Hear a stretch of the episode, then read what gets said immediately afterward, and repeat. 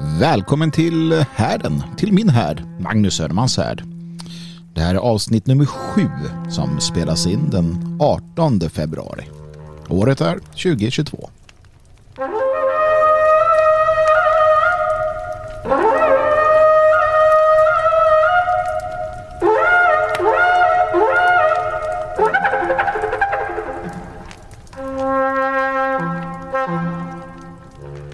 Men varmt välkommen är just du till eh, härden den här gången också. Det blir en härd även denna vecka.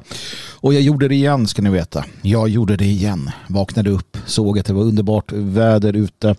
Tänkte, nej men då går jag väl ut på en promenad så här i solen, i värmen. Och så var det ju svinkallt. Jag lär mig aldrig detta. Jag är för på för våren. Det är helt enkelt det det handlar om.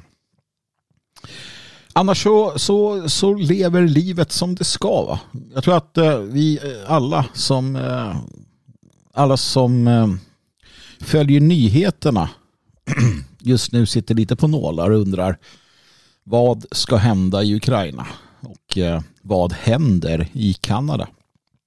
Det är väl de två sakerna som för tillfället är, är eh, så att säga högst upp på dagordningen och, och vi får se Eh, Eh, vad det gäller båda frågorna helt enkelt. Det är svårt att sia eh, om de här sakerna faktiskt.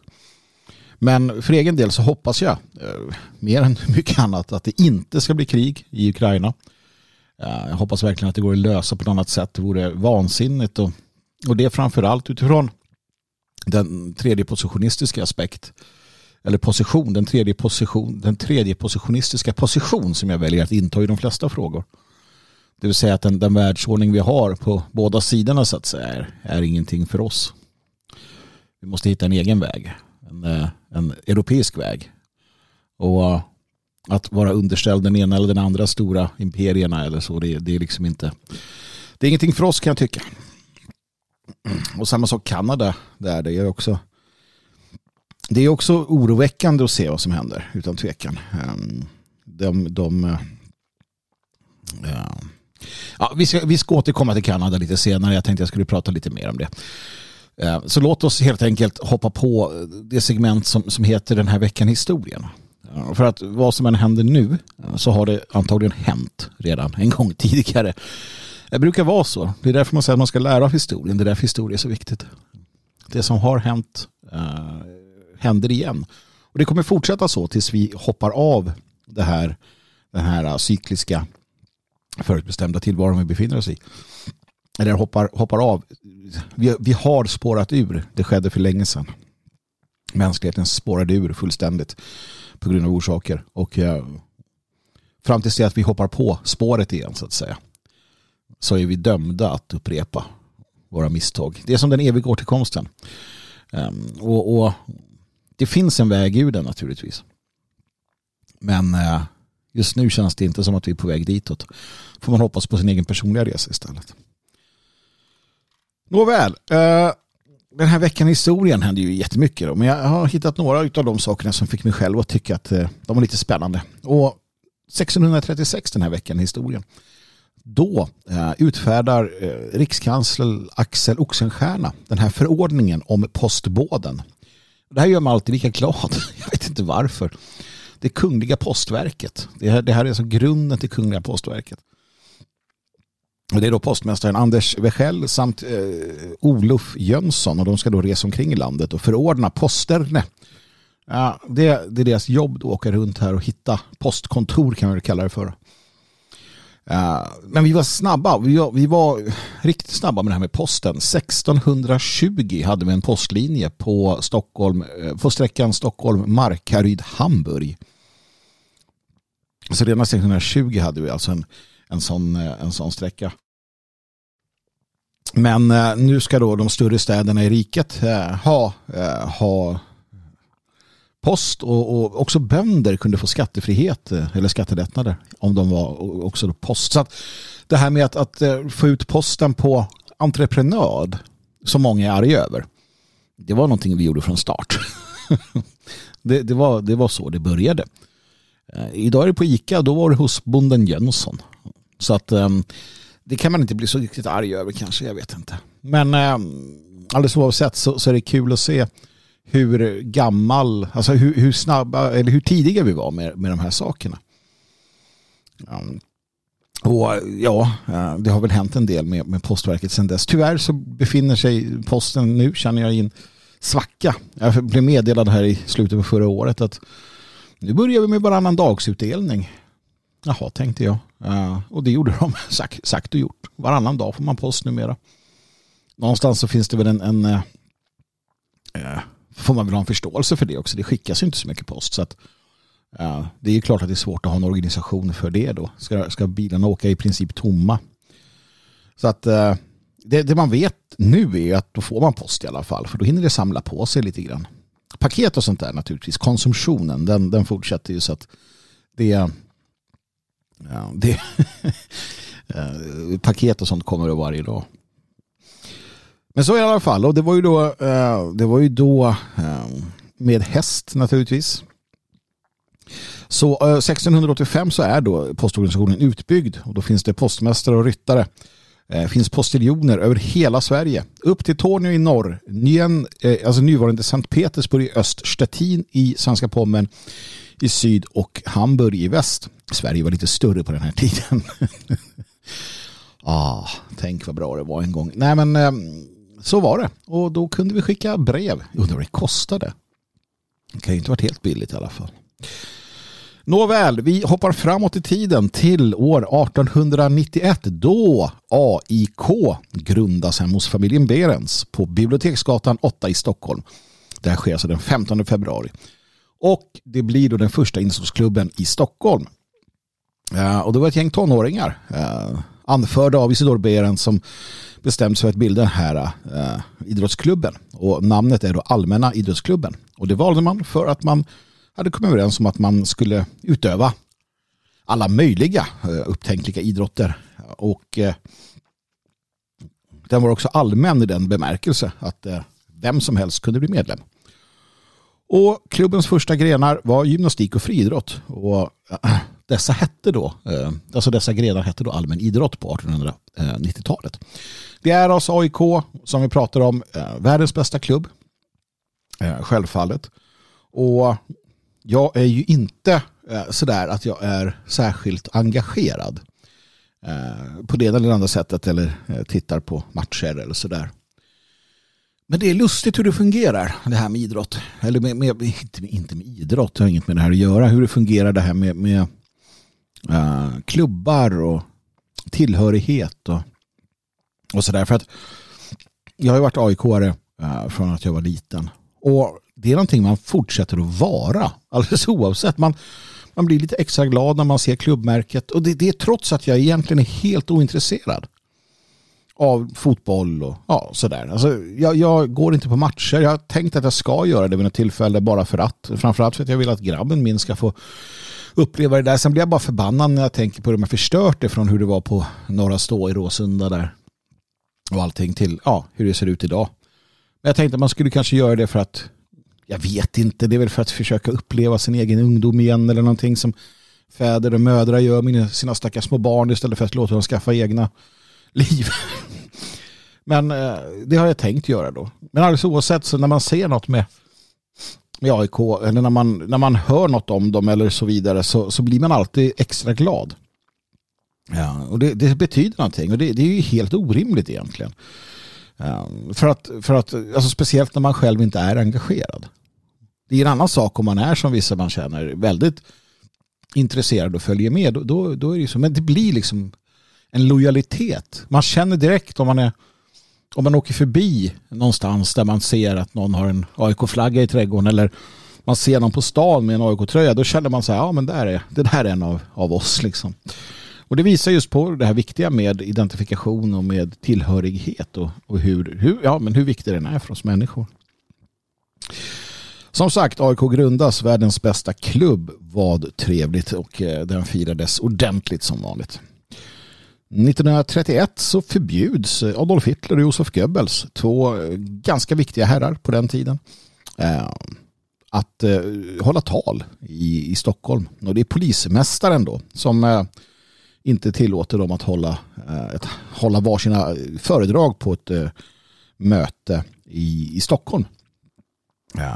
Jag vet inte hur viktiga de såg som i Sverige då, förvisso. Det är 1931 så det är innan, genom maktövertagandet och så vidare. Men eh, naturligtvis så och det, det, här är så det fungerar. Och det är också så här lite intressant just att det händer.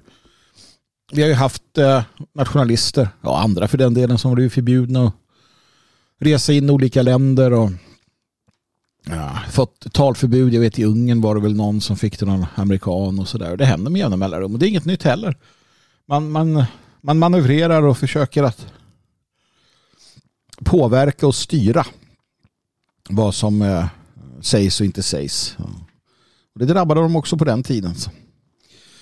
Framåt i tiden, 1978, Rhodesias premiärminister Ian Smith, han går med på att tillåta en övergång till färgat majoritetsstyre i landet. Eh, kvarstår dock som premiärminister till juni 79 då han avgår eh, och efterträds av den färgade nationalistledaren Abel Mutsoreva. Och det var slutet på Rhodesia. Kan aldrig nog vi kan aldrig nog påpeka detta. För det är så pass nära i tiden då. Att se vad händer när det vita styret försvinner. Och det här är ändå exceptionella länder där du har en, en överväldigande majoritet. Man kan, man kan diskutera naturligtvis eh, huruvida det var rätt eller fel initialt av vita att ta makten och så vidare. Det får du tycka vad du vill om. Det är inte det jag ska diskutera den här gången. Det kanske jag kommer till någon annan gång. Men det, det viktiga här är att se eh, vad, vad som händer när kontrollen överförs. Ehm, och jag menar inte att färgade inte kan styra sig själva. Även om det naturligtvis är problematiskt, vilket vi ser i Afrika. Det, det är enorma utmaningar, problem för dem. Men det är inte det jag säger heller. Det, det jag säger är att de klarar inte av att ta över en vit stat, en vit nation med allt vad det innebär. Och det här är det viktiga. Det är samma i Sydafrika. De vita byggde upp nationen utefter sitt kynne, sin kultur, sin ras, hur de är. Sen lämnades det över. Och enda orsaken till att Sydafrika fortfarande är det rikaste landet i i eh, Afrika eller det någonstans mest fungerande eller hur man vill se det. Det beror ju på detta. Att man fortsatt lever på resterna av det, det vita styret. Rhodesia följer det. heter Zimbabwe numera. Man, man fortsatte sedermera med att driva ut bönderna under Mugabe. För att sen snälla be om deras eh, återkomst till landet. För att det funkar inte. Um, den inhemska befolkningen, vare sig nu eller då, kunde hantera den vita, det vita stadsbygget, det vita samhällsbygget. Överfört till vår tid så, så blir det ju till att ställa frågan. Den måste ställas. Sverige som vi känner det, Europa därtill, är uppbyggt av vad? Jo, av vita europeer, svenskar, svenskar är vita och så vidare. Vi är på ett visst sätt. Vi är på en viss nivå vi har en viss civilisation, eh, civilisatorisk utveckling och så vidare. Kan den hanteras av eh, invandrare, utlänningar som kommer från helt andra eh, civilisatoriska och liknande nationer där det ser annorlunda ut? Frågetecken. Det återstår ju att se, va? Men, men de exempel vi har vittnar ju om att det inte går. Det är lite som att vi skulle du, du och jag, vi som lyssnar här, härdengänget, vi överförs till en, en främmande civilisation. Uh, någonstans borta i Aldebaran. Uh, någon, någon utomjordisk civilisation och så bara sätts ner i deras stad. Här. Ha det bra. Vad skulle vi göra då? Skulle vi ja, direkt eh, förstå deras eh, teknologi och börja använda den? Eller skulle vi börja typ så här, ja men vad fan vi behöver eld, vi behöver värme. Jag har vi sett hur många värmesystemet, ingen aning. Nej men då får vi väl börja elda på golvet någonstans då. Jag menar, det är ju så. Man, man utveckling inte kan, du kan inte bara hoppa in i det. Du, du, måste, du måste vara en del av det, leva det. Sen naturligtvis blir det lättare i Sverige med tanke på att vi samexisterar inom landets gränser så att man får chansen att komma in på arbetsmarknaden och lärs upp utav ofta då svenskar som, som har jobbat med det inom vattenverket eller vad det kan vara. Men i alla fall, när det här liksom när, när det fylls på mer människor det kommer inte att hålla. Det kommer inte att hålla. Precis som det inte höll i Rhodesia och som det absolut inte höll i, i Sydafrika. Återigen, lärdomar från historien. Att det ska vara så svårt va? Att det ska vara så svårt. Tio år senare, 1987, den här veckan i historien. Ingmar Stenmark tar sina sista världscupsegrar i slalom i franska Le Mackerstein. Mackerstein, jag vet inte. Och det blir hans näst sista seger i alpina världskuppen överhuvudtaget. Ingmar Stenmark. jag har ju slutat, det är också det, skidsport efter Gunde Svan va? och Ingmar Stenmark och Wassberg och gänget så det var inget som jag intresserade mig av. Men jag saknar det. Jag saknar, jag vet inte, det kanske finns idag. Jag vet att skidsport fortfarande är stort. Jag pratade med en god vän som hade varit och tittat på längdskidor. Jag sa det, det var ju så implicit vitt så att det fanns inte. Det var ju det var inte bara snön utan människorna och attityden, atmosfären, fantastiskt och sådär. Det, det kan jag köpa. Men jag minns det här och det är egentligen inte återigen idrotten i sig. Eller sporten eller tävlingarna. Men jag minns ju den här äh, nationella yran, äh, glädjen och deltagandet när Ingmar Stenmark åker. Jag vill minnas att, att lektionen stängdes av och att vi fick sitta och titta på det här. Jag vill minnas det. Jag är inte säker på att det har ägt rum. Va? Det har ägt rum i människors liv, det vet jag. jag. Jag har pratat med människor som har varit med om det. Att man på jobb och liknande bara stängde ner allting för att se det här. Jag vet inte om jag har varit med om det. Men jag vet att alla, alla drogs med när Stenmark åkte, när vi hade våra framgångar. Och jag fortsatte lite grann med Gunde Svan mer också, men, men men det där, just det känner jag inte idag heller. Det är så uppsplittrat. Jag, jag, det är ju verkligen så att den här nationalstaten är död. Det kräver så mycket mer än vad vi har. Ett enat folk till exempel. Och det, det finns ju inte. Det är inte ett enat folk. Vi har inte samma världsbild, vi har inte samma hjältar, vi har inte samma skurkar. Vi har tusen skurkar, tusen hjältar. Och det vi delar med varandra delar vi i små grupper, små autonoma grupper. Vi har inte samma gud. Vi har knappt samma historia. Och det gör mig ledsen. Mer ledsen än arg. Och det är nog för att det, det hade nog hänt alldeles oavsett. Alltså teknologin har sin del och så vidare. I historien så har nationalstaten sin, sin plats och sen försvinner den. Och det är det här jag pratar om, det cykliska. Så här kommer det fortsätta. Det kommer komma nya nationalstater vad det lider. Så länge vi fortsätter i den här, i den här, på den här vägen vi vandrar så kommer det komma som ett runt en cirkel bara tillbaka igen. Tills vi bryter denna cirkel. Och det ska vi göra. Och då ska vi alla heja på Ingmar Stenmark. det, det, det, är jag full, fullständigt, eh, fullständigt övertygad om.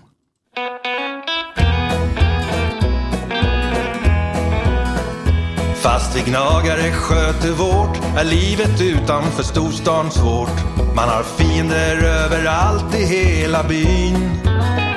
Men när det är matchdag skiner man upp fastän man väcks av grannens tupp. Då finns plötsligt en ursäkt att resa sig ur dyn. Pappa dricker öl, mamma kör bilen och alla vi ungar packar bengaler. Vi lämnar byn med en särskild ceremoni. Först bränner vi gummi i en kvart, spöar några bönder, sen var det klart. Nu vet de vilka som bestämmer och det är vi. Bondegnagare, bondegnagare vischans stora skräck. Pappa dricker öl. Mamma kör bilen. Och alla vi ungar packar bengaler. Alla hatar oss men det skiter vi självklart i.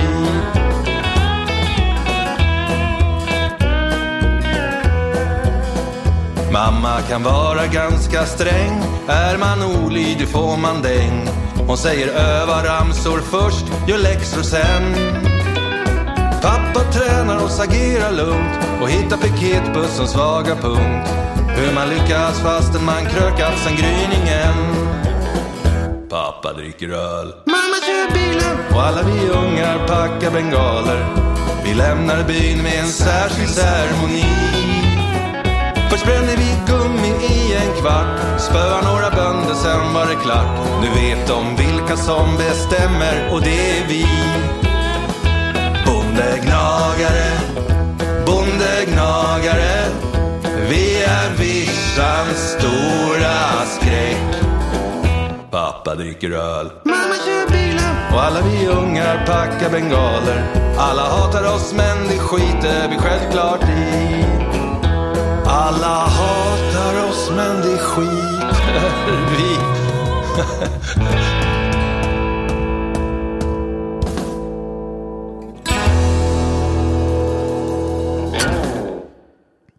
Ja, bondegnagare. Är det det man har blivit? Va? Kan vara så. Pappa dricker öl var det där med AIK-trubaduren. Ja. Världens bästa trubadur som sjunger om världens bästa lag. Med världens bästa supportrar. Världens bästa grabbar. Världens bästa AIK. Det var väl härligt att få lyssna på den. Ehm, den gamla visan, eller den är ganska ny, det är väl från hans senaste eh, album. Hörni, jag tänkte att vi skulle titta på lite frågor. Frågor från våra kära lyssnare. Mina kära lyssnare. Um, som sagt, egentligen ska de här ställas när vi sitter här kring härden. Men um, den, den, den är inte byggd än. Jag ska driva igenom att vi bygger en stor härd, en, en stor eldningsplats vid Svenskarnas hus här i Elgarås. Det hade jag tänkt i alla fall, där man skulle kunna samlas och, och sitta och ha det trevligt. Kan vi göra det här live? Eh, live betyder alltså inte att vi spelar in det utan att vi sitter här och umgås. Nåväl, eh, det har kommit in en hel del frågor igen eh, och jag tackar för det. Fantastiskt kul, mycket roligare att göra programmet återigen när jag, där jag får liksom interagera med er. Och jag uppmanar er alla att skicka frågor till magnushärd.protonmail.com. Och som vanligt då så, ja, Magnus Härd, Härd stavas H-E-R-D, Härd. Det vill säga den internationella stavningen på ett Ä. Magnus Härd, protonmail.com. Ehm, I, I eh, texten till det här, i artikeln till det här, eh, beskrivningen till det här programmet och alla andra program så finns eh, mejladressen utskriven. Vi börjar från början. Och här har vi en, en brevskrivare som tackar för senast och jag tackar tillbaka. Vi är bibelläsare båda två. Frågan, och det här är en av personlig art. Eh, och det här var någonting som slog honom eh, för någon dag sedan. Det var nämligen som så här att hans hustru fick en stroke för två veckor sedan. Jag hoppas verkligen, vill jag säga nu, hoppas verkligen att allting är på bättringsvägen. Eh, och hon var inte särskilt gammal heller för den delen. Under 40. Eh, och allt har varit väldigt konstigt skriver han här och eh, mitt i kaoset eh, med allt det där hade inte slagit sig. Slagit mig. Men, men jag tror fan det är det där jävla vaccinet skriver han. och han frågar då med tanke på att jag ändå har läst en hel del om det här och hängt med på ett sätt som säkert många inte gör. Med stabsläge och allting så är frågan vad tror jag om sambandet då mellan vaccin och stroke? Om det är någonting som jag har stött på. Och det är det. Det är det och jag är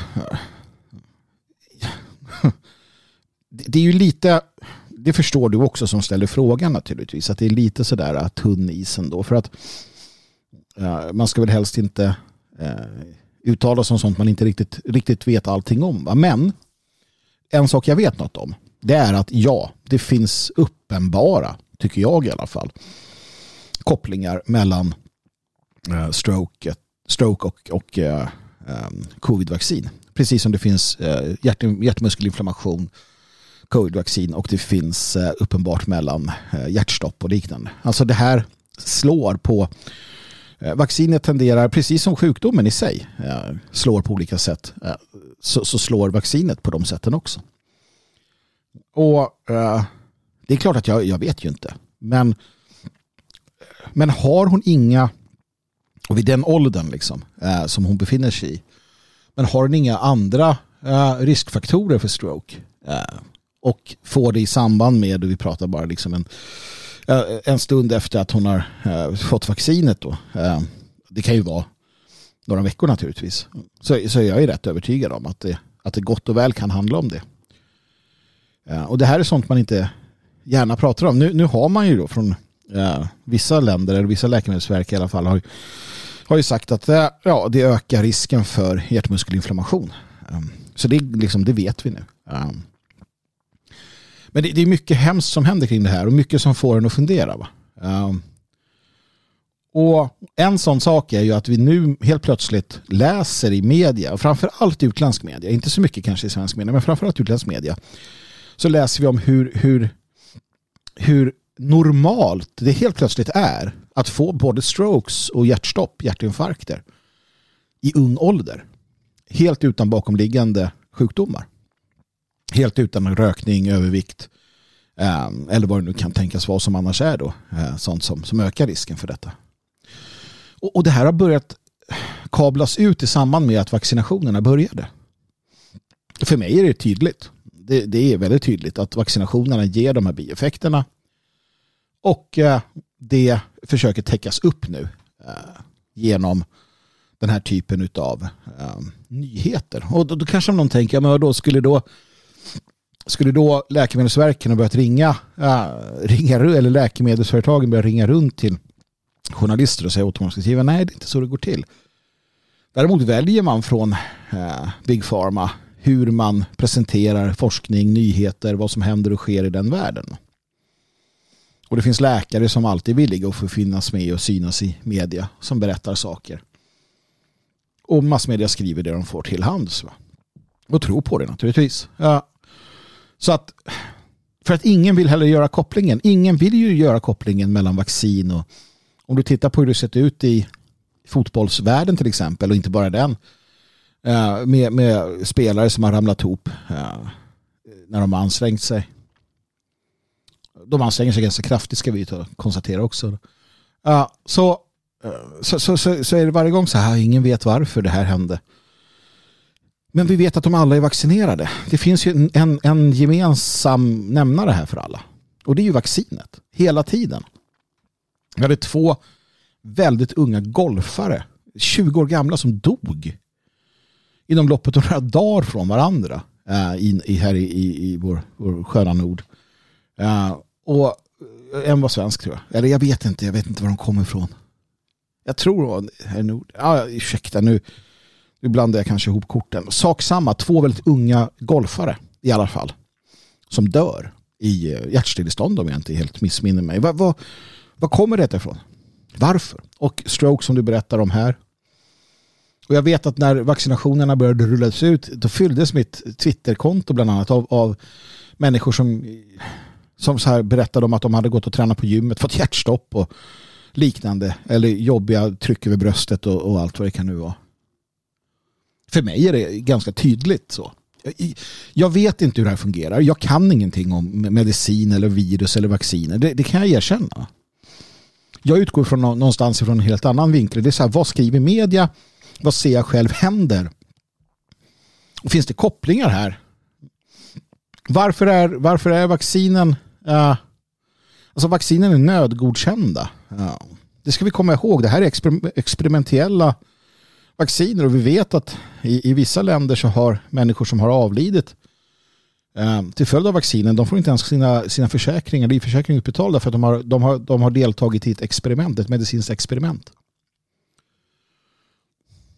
Jag är orolig för jag är väldigt orolig för att det som kommer bli resultatet av det här lite beroende på så som jag har förstått hur vissa av de här vaccinen fungerar med att, uh, med att uh, det sätter sig i, i, membran och liknande och kan liksom uh, över tid ställa till det.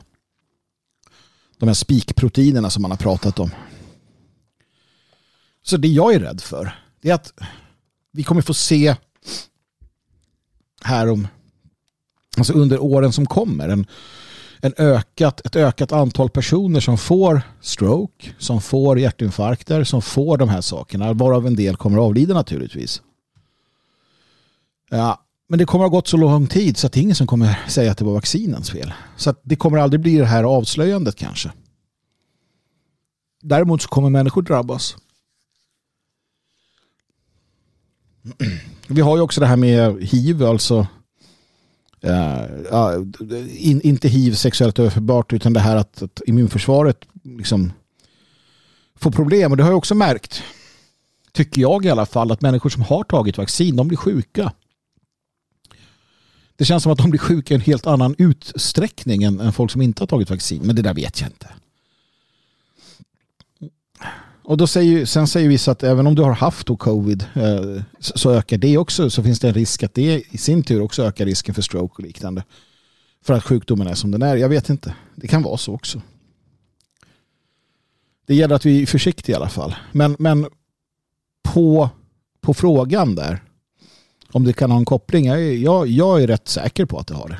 Jag är rätt säker på om det, att det har det i många fall. Även om det inte behöver ha det i alla fall. Lite beroende på vilka bakomliggande risker som finns. Men var medveten om det. Och, och känna efter tänkte jag säga. Man ska inte känna efter för mycket heller såklart. Men, men det som du skriver är ett jävla dystert ämne. Det är ett dystert ämne för att vi har nästan, det är nästan 100% av Sveriges befolkning vi, vi är några få som säger nej. Och, och, om de här om de här känner, alltså om den här om det som somliga är oroliga för, om det stämmer. Då, då, då är det en ganska extre, det är en väldigt dyster framtid som vi går till mötes. Jag har liksom många nära och kära som, som i princip alla som man har, känner har ju Alltså utanför vår sfär då såklart. Men ja, i övrigt så har ju alla tagit det där. Och jag, jag hoppas och ber till allt gott att det inte är något problem. Jag hoppas verkligen att det inte är så som att det inte ens är hälften så illa som, som många tror. Att det inte ens är en, en promille så illa. Det är tolvåringar som, som får det här isprutat i kroppen vi, vi måste liksom förstå vad, vidden, konsekvenserna av detta.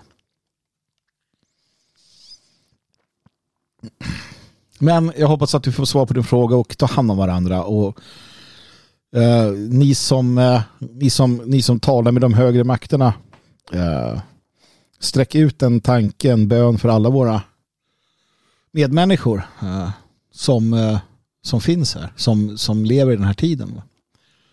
Vi behöver all hjälp vi kan få. Eh, blota och be för vårt folk helt enkelt. Det tycker jag. Och som sagt, ta hand om varandra och eh, Gud välsigne er. Nästa eh, brevskrivare tycker att jag ska skärpa mig. Eh, Niklas skriver så här. Hej Magnus. Eh, jag är ett stort fan av ditt program. Tack så mycket. Men, skriver han, har du lust att sluta använda ord som CP, mongo och så vidare i dina program? Tycker både det är omoraliskt onödigt. Eh, PS, skriver han, sen jag är inte lättkränkt men gillar inte när man sparkar på folk som redan ligger. Eh, jag förstår hur du tänker. Jag, jag, jag kan villigt erkänna att jag har ibland ett ganska fult språk. Eh, det där kommer från min uppväxt och de sammanhang jag befunnit mig i också när jag blev äldre. Det har varit väldigt mycket den typen av uttryck och den typen av lingo. Ja, så det är något som har satt sig. Eh, det är jag väl medveten om och jag, jag gör vad jag kan ska jag eh, erkänna för att för att sådär eh, få ett lite mer vårdat språk. Det har blivit bättre också. Men när det kommer till det här med CP och mongo så upplever jag inte anser inte att jag kränker någon med det. Alltså jag sparkar inte på den som ligger. Jag minns för många år sedan när vi hade ett CP eh, som eh, lyssnade. Jag vet inte om han lyssnar fortfarande. Om du gör det så, så är det kul. Eh, på motgifttiden.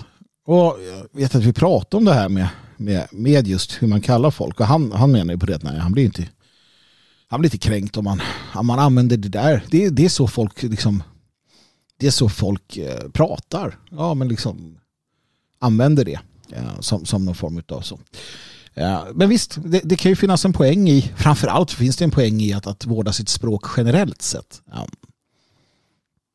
Nu är väl härden kanske lite mer av en, en plats där vi, där vi sitter mest och har, kan ha lite utav en jargong. Va? Men, men det är klart, skulle jag ha ett CP eh, sittande i, kring härden så hade jag kanske inte, jo jag hade nog kunnat slänga ur mig det, någonting om ett jävla CP någonstans och sen bara sagt ja du vet vad jag menar, sorry men det var inte, det är inte riktigt mot dig sådär. Han hade, eller hon hade sagt ja ja okej. Okay. Um, det är frågan, hur mycket ska man tvätta sitt ordförråd liksom? Jag använder ju fortfarande bög som ett, så här, som ett så generellt så här, ja, uh, ord för när något inte är som det ska. Liksom. Det vill ju vissa att man ska tvätta bort och så vidare. Ja. Jag vet inte, jag, jag, jag gör som så här. Uh, om du är ett CP, Mongo vet jag inte, det tycker jag bara är ett så här... Uh, det, ja, jag vet inte, det finns ju inte en ja, jag vet inte. Är du ett CP uh, eller är du ett mongo och tycker att det är ofint av mig att, um, att använda de orden lite slentrian, hör av dig så ska vi gå vidare och se vad det blir av det hela. Och ni andra är välkomna naturligtvis också att säga det att uh, hör av er och säga nej jag tycker nog att du ska sluta med det där eller inte. Mm. Vidare har vi en fråga här. Först är det väldigt fina och trevliga ord om eh, såväl härden som kväll med Svegot och stabsläge och det vi gör. Eh, det är höjdpunkterna för eh, mejlskrivaren och jag tackar så mycket för de fina orden. Det är alltid kul att höra. Ehm, ärendet då, frågan eh, är så här. Hur många avsnitt av härden är planerat? Eller tänker jag köra på härden året ut? Mejlskrivaren tycker att det det borde köras på året ut i alla fall för att han eller hon uppskattar det här väldigt mycket. Jag vet inte. Ja, som det känns nu så, så har jag, jag ser liksom inget slut. Det gör jag inte. Jag har ju sagt att jag ska köra den här säsongen. Ja, och det är ju fram till sommaren då någonstans där, där vi brukar göra ett litet säsongsbryt för att få vila lite. Um, jag uppskattar själv det här programmet och, och jag uppskattar att få sitta här och prata. Och så länge någon lyssnar så ja, tänker jag fortsätta med det. Jag tror också att det fyller en viktig funktion. Inte bara för mig själv, för det gör det. Det, det är väl lite terapeutiskt på något sätt kanske. Att, att få möjligheten att få utlopp för det man känner och tycker. Men, men också för många lyssnare såklart. Så att så länge det finns en mening med det så kommer jag fortsätta med det. Så är det. Och, och det fria formatet gör också att jag menar, eh, någon gång kanske det bara blir en halvtimme långt. Och någon gång blir det två timmar långt. Just det här att det inte är, att det inte är klarlagt på eh, första, på första, att det inte är bestämt helt enkelt gör att det blir lättare någonstans också.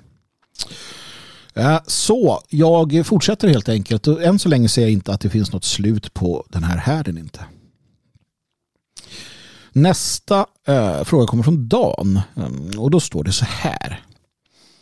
Hej Magnus, jag och min familj är nationalistiskt lagda. Vi vill att jag ska fatta besluten i min familj. Men att om min frus rekommendation innan beslutsfattning visar sig vara rätt så ska jag i dessa fall fatta det beslut som hon rekommenderar. Har du något tips på hur jag, ska, när, hur jag kan närma mig 100% rätt fattat eh, beslut? Eh, tack för bra podd. Ja Dan, det har jag. Eh, lyssna på din fru. Eh, de är ofta kloka när det kommer till allt som har att göra med Ja, med... Eh, jag menar, du är ju en klok man, så du har ju valt en, en bra fru. Och eftersom du har valt en bra fru så har hon bra beslut i grunden. Så när hon kommer med en rekommendation så är det för att du håller på att fatta fel beslut. För att hon vet antagligen bättre än dig i den frågan. Och då kommer hon med rekommendationer. För det är bara då. I andra fall så låter hon dig göra som du vill. Låt som du har en bra fru. Lyssna på henne Dan. Då blir det bra.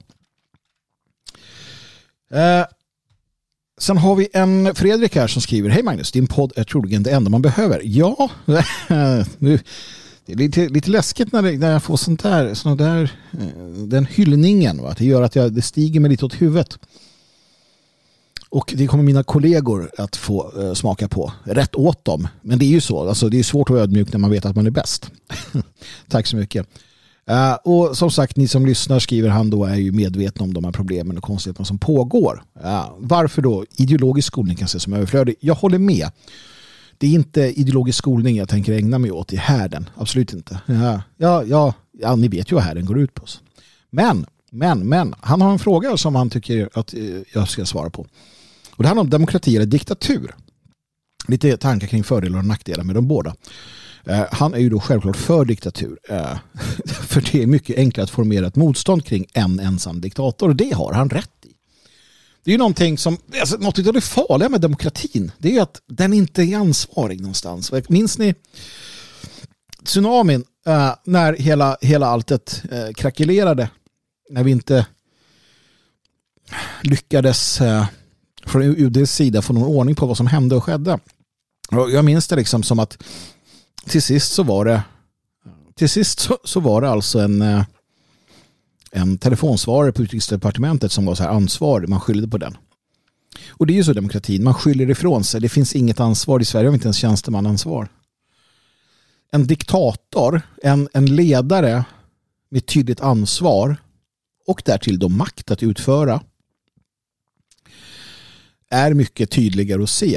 Eh, det, det förtrycket och det den militära ockupationen med pansarvagnar på gatorna den är mycket, mycket enklare att se än en ockupation eller ett tyranniskt välde av bankirer som bakvägen kan styra och kontrollera. Så, så någonstans så, så, är det ju så eh, att den, den, den öppna och kalla diktaturen är lättare att förstå och göra motstånd mot. Det, det är lättare att samla massorna i motståndet om vi tittar på Polen och mot Ceausescu eller vad du vill. Men den är förvisso också farligare i det att, att den har mobiliserat pöbelmänniskan och fått kreaturen, den, alltså diktaturens kreatur, att, att mer öppet visa våld. Men våld och hot om våld hjälper föga till sist för att det går för långt. Va? Så att någonstans så ja, eh, det hade varit lättare att vara um, på många sätt lättare att vara dissident mot en diktatur. För det är mycket tydligare. Eh, men, men, men det går ju alldeles utmärkt att vara i en demokrati också, vilket vi är. Det är svårare, ja det är det. Eh, fler personer Nej, ja, ja om jag får välja så, så väljer jag ju det jag befinner mig i nu, den situation jag befinner mig i. Ja, för den kan jag någonstans. Jag, jag kan ingen annan så det, det, det, det, det, det, det blir ju svårt så sett. Men absolut, sen är ju frågan vad jag själv föredrar för styre. Um, och diktatur det är ju bara ett motsatsord till demokrati egentligen. Så att, ja, man måste ju lägga något i det också. Jag är ju för en en auktoritär Alltså jag, jag är mer för en demokrati av den gamla skolan. Eh, där du har en, en, selektiv, eh, en selektiv rösttillåtelse istället. Till exempel finns ju en idé i att eh, de enda som får rösta är de som på ett eller annat sätt bidrar till samhället kanske. Vi hade ju en tanke förut om att det var bara de som Alltså om du var på obestånd. Ja. Om, du inte, om du inte var en fri människa så att säga. Så fick du inte rösta. Det finns ju en, en mening med det. Um, till exempel. Men det där är någonting som, som går att diskutera i evinnerlighet egentligen också. Och tack och lov så är det inte upp till oss utan det är upp till våra barn och barnbarnsbarn att sen lägga grunden för det här. Det vi behöver prata om det är principer. Och där är ju friheten den, den viktigaste egentligen frihet och självbestämmande och sådana där saker. Ja. Vi behöver prata om vad, vad, vad statens roll ska vara. Hur stark den ska vara, hur stor den ska vara. Är det upp till staten att underblåsa vissa friheter mer än andra eller vissa uttryck mer än andra? Det här med Pride till exempel är en intressant fråga. Ja, om, om, om vi har idag som idag, ja då understödjer staten med allas våra pengar, till exempel homolobbyn. Eh, betyder det att vi måste nödvändigtvis vara emot eh, homolobbyns rätt att organisera sig? Nej, kanske inte, men tänk om vi eh, i ett, ett samhälle sa att ja, nej, men ni får finnas och göra vad ni, vad ni vill så sett. Men ni kommer inte få ett, en spänn i statligt bidrag. Ni får inte ta emot utländska donationer för det tillåter vi inte. Och det tillåter vi inte någon. Um, och uh, ni får inte använda det offentliga rummet. Helt plötsligt så måste eh, Pride uh, genomföras på privat mark. Uh, ja, finansierad av privata donationer. Och så länge det sker så låt dem göra det. Då. Så att det finns ju en massa andra saker här, en massa andra aspekter av detta. Men, men själv så, så um, jag ser att man kan göra väldigt mycket i, i, med demokratin för att få den att fungera bättre. För någonstans så, du kan ju välja en diktator också. Liksom. Du kan ju välja, man valde ju Caesar på x antal år som diktator för att reda, reda ut saker och ting. Det är intressant, det är spännande. Ehm, och det här kommer våra, våra barn och barnbarn få ta, ta, ta uh, och, och vad heter det? Ställning till eh, vad det lider. Vi går vidare och konstaterar, det är Micke som skriver. Uh, han konstaterar att uh, han ville att jag skulle prata om Eh, de betydande nationella rörelserna, organisationerna och partierna som funnits historia, viktiga personer stod för och så vidare och så vidare. Och sen så eh, helt plötsligt så började jag, Dan och Björn prata om vår tid i respektive organisationer. Eh, varpå det här uppfylldes lite grann då. Men jag är naturligtvis för detta. Jag är intresserad av att skriva vår nationella historia. Jag vet att jag och Dan var det väl hade något eh, flera avsnitt om den nationella oppositionens historia. Det finns nog i eh, om du söker Micke, om du söker i, i arkivet på Radio Svegots hemsida så ska du nog kunna hitta den programserien. Där gick vi igenom alla de här, eller flera av dem i alla fall. Jag lär få återkomma till dem vad det lider. Men jag har lite tankar kring det här också så att eh, ja, vi får se vad det kan bli av det. Nu till den sista frågan eh, och det berör religion och det är ju trevligt. Från en, en eh, mejlskrivare här som funderar lite kring de här sakerna och har ett antal raka frågor att ställa. Eh, jag ska svara på dem så, så bra jag kan. Eh, vad anser jag om kalvinismens tulip? Ehm, det är olika, olika tulip är olika dogmer kan vi kalla det för då, som definierar kalvinismen. Särskilt nyfiken är han då på den andra punkten. Ehm, den andra punkten i detta system det är då Eh, att Gud så att säga bestämmer vem som blir frälst. Du kan inte göra ett dugg åt det, det är förut, förutbestämt. Eh, och vad tycker jag om det? Jag är inte kalvinist, eh, kan jag börja med att säga. Kalvinismen är en av många, många sekter inom kristendomen. Och jag ska vara ärlig, jag har, jag har läst om kalvinismen och jag har tittat på den. Han har aldrig riktigt, riktigt intresserat mig på det sättet. Jag känner några kalvinister. Eh, kalvinister generellt sett har gjort bra saker i Sydafrika och på andra ställen. Det, de har, det, det är bra folk, goda kristna och så vidare. Jag, jag är ärligt talat inte så intresserad av den typen av teologiska spörsmål. Jag, jag var det en gång i tiden, jag grävde ner mig i allt sånt här och satt och jämförde och så vidare. Men sen så kom det vissa uppenbarelser till mig i det att, att eh, det är så mycket som eh, det är så mycket som förvrängs, det är så mycket som eh, skrivs om. Eh, och det här är människor som uttolkar och försöker att eh, komma närmare någon, någon sanning eh, utifrån det de läser i Bibeln som i sig är förvrängd på många sätt och vis. Så jag har försökt gå tillbaka väldigt mycket till grundbetydelsen också förstå i sammanhangen vad, vad det handlar om. Um, och, och, det här är min inställning generellt sett till katoliker, protestanter och hela det här. Det, det är att man har, det är olika, liksom, olika avknoppningar eh, från den, den, den liksom, eh, forn, fornkyrkan helt enkelt. Och de är mer eller mindre bra, känner jag. Ja, mer eller mindre intresserade av människor och, och det. Eh, vissa är regelrätta sådana som bara vill eh, fånga själar och hålla dem inom skräckvälde för att eh, bygga skatter i, i, på jorden.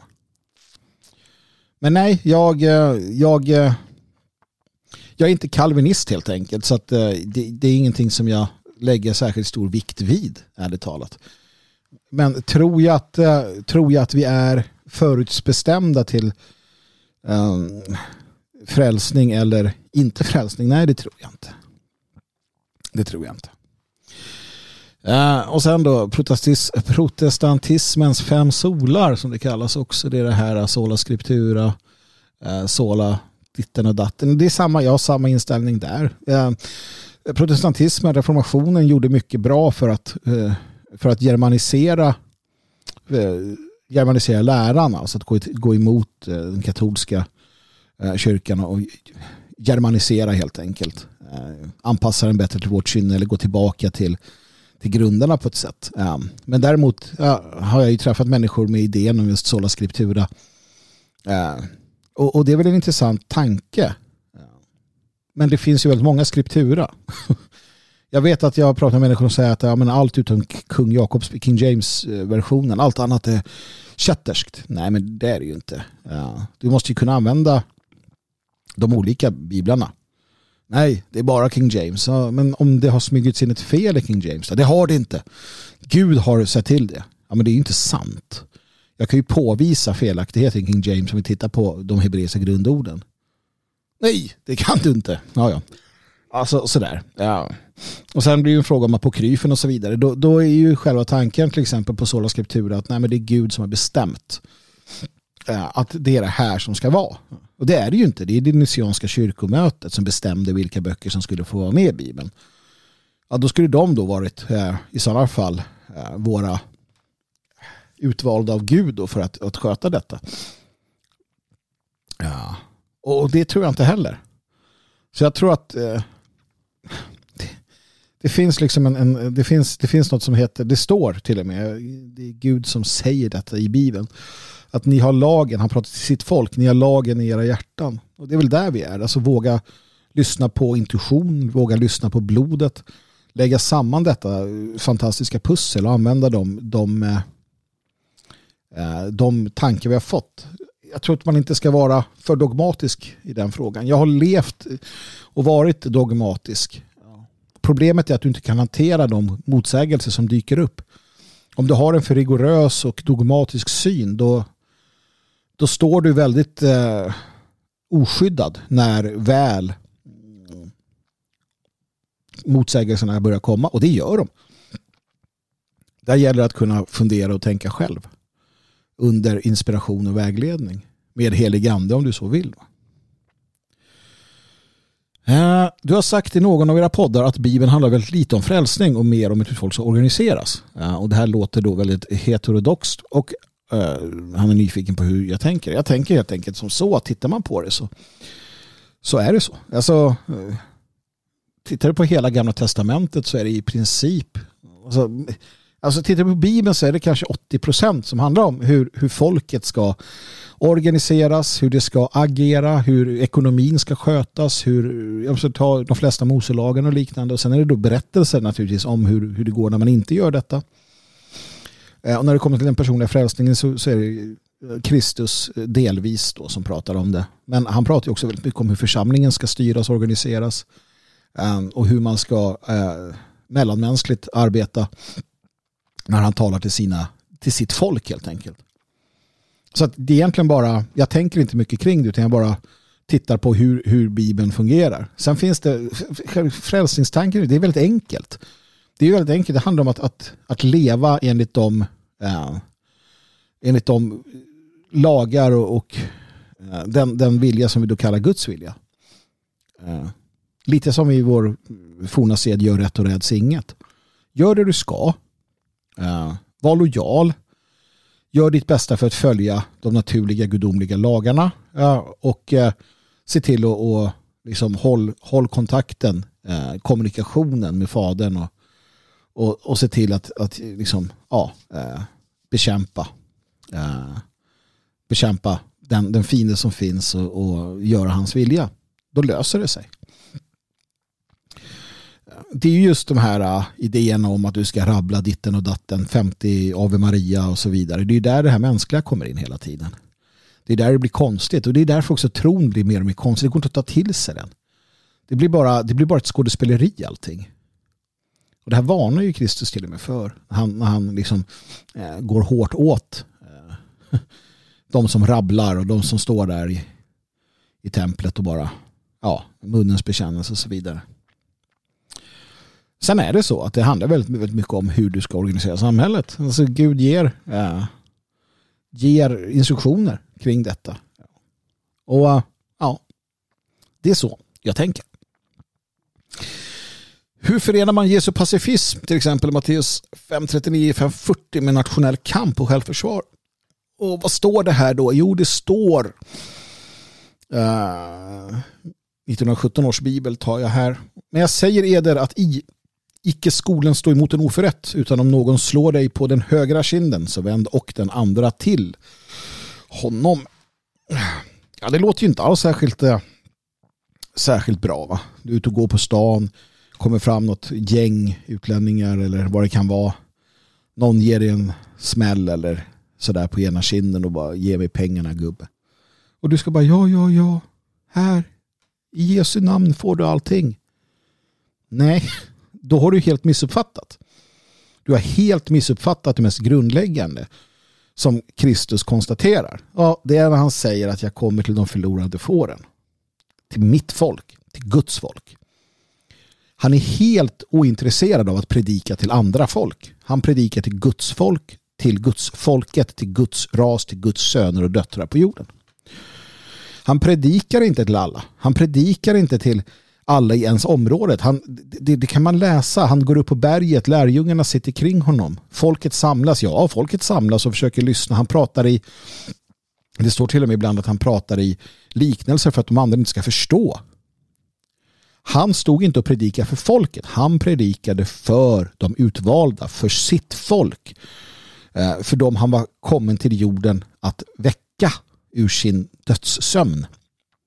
Så när han säger till exempel att vända andra sidan till det pratar om är ju framförallt församlingen. Han pratar till sina lärjungar, till församlingen eh, och till sitt folk.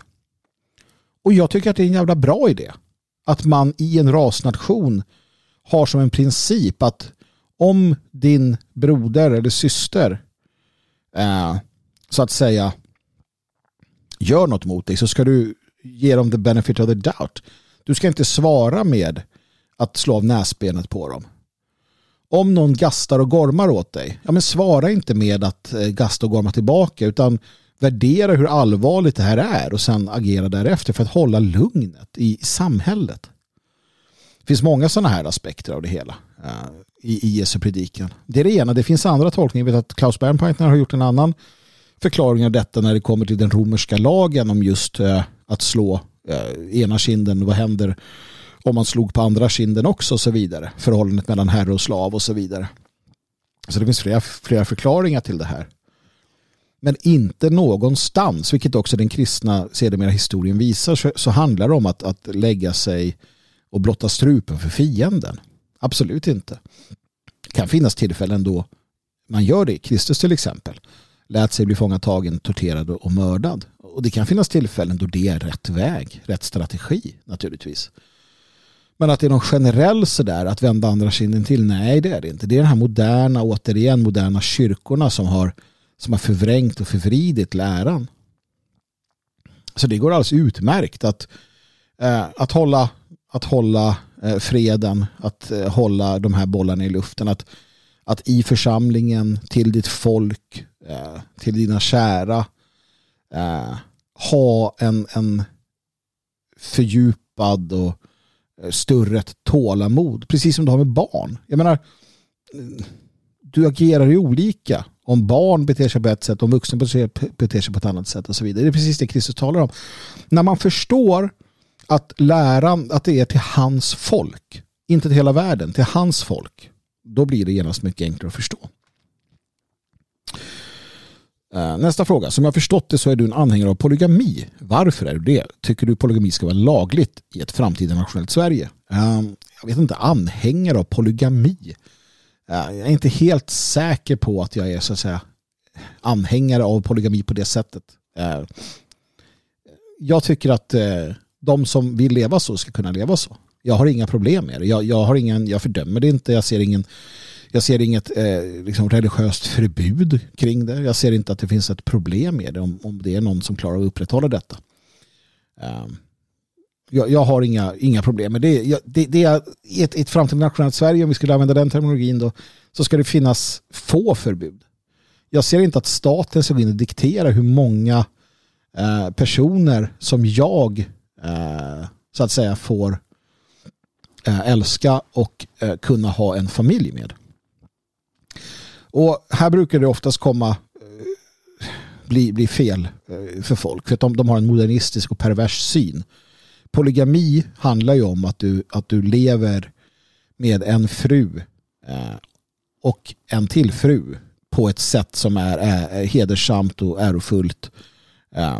Det handlar ju inte om att du, du har något jävla kollektiv med orgier. Det, det är ju inte det det handlar om. Och som sagt, nej, jag, har inga, jag har inga problem med det. Om man, om man vill och klarar av att leva på det sättet. Om du klarar av att försörja eh, dina fruar och har eh, så. Jag, jag, ser inte varför staten skulle gå in och säga att nej, så får du inte göra eh, i vårt framtida Sverige. Lika lite som att du säger, ah, men jag vill inte ha någon. Jag vill inte, jag vill inte leva i ett förhållande alls. Jag tycker inte att man ska liksom bestämma det heller. Ja, och som sagt, det, det, det, polygami har varit natur, en naturlig del av vår civilisation. Uh, I alla tider i princip. Uh, så att nej, jag har inga, inga, inga eh, problem med det. Helt enkelt. Sex. Eftersom de gamla israeliterna var arier bör vi se det hebreiska språket och Davidsstjärnan som något som tillhör oss. Ja, alltså i den mån ett språk kan tillhöra någon Eh, det är ett sånt, en sak, sak som, som man tar och använder. Eh, den gamla hebreiskan är ju död. Det finns en ny hebreiska som man har hittat på. Eller ja, försökt återuppväcka. I Israel. Ja, men visst, eh, det, det är ju ett språk som talades av våra förfäder delvis. Men det gjorde ju skytiska och germansk, urgermanskan och så vidare och så vidare och så vidare säkert persiska, vi har pratat persiska, vi har pratat alla möjliga språk så att jag vet inte.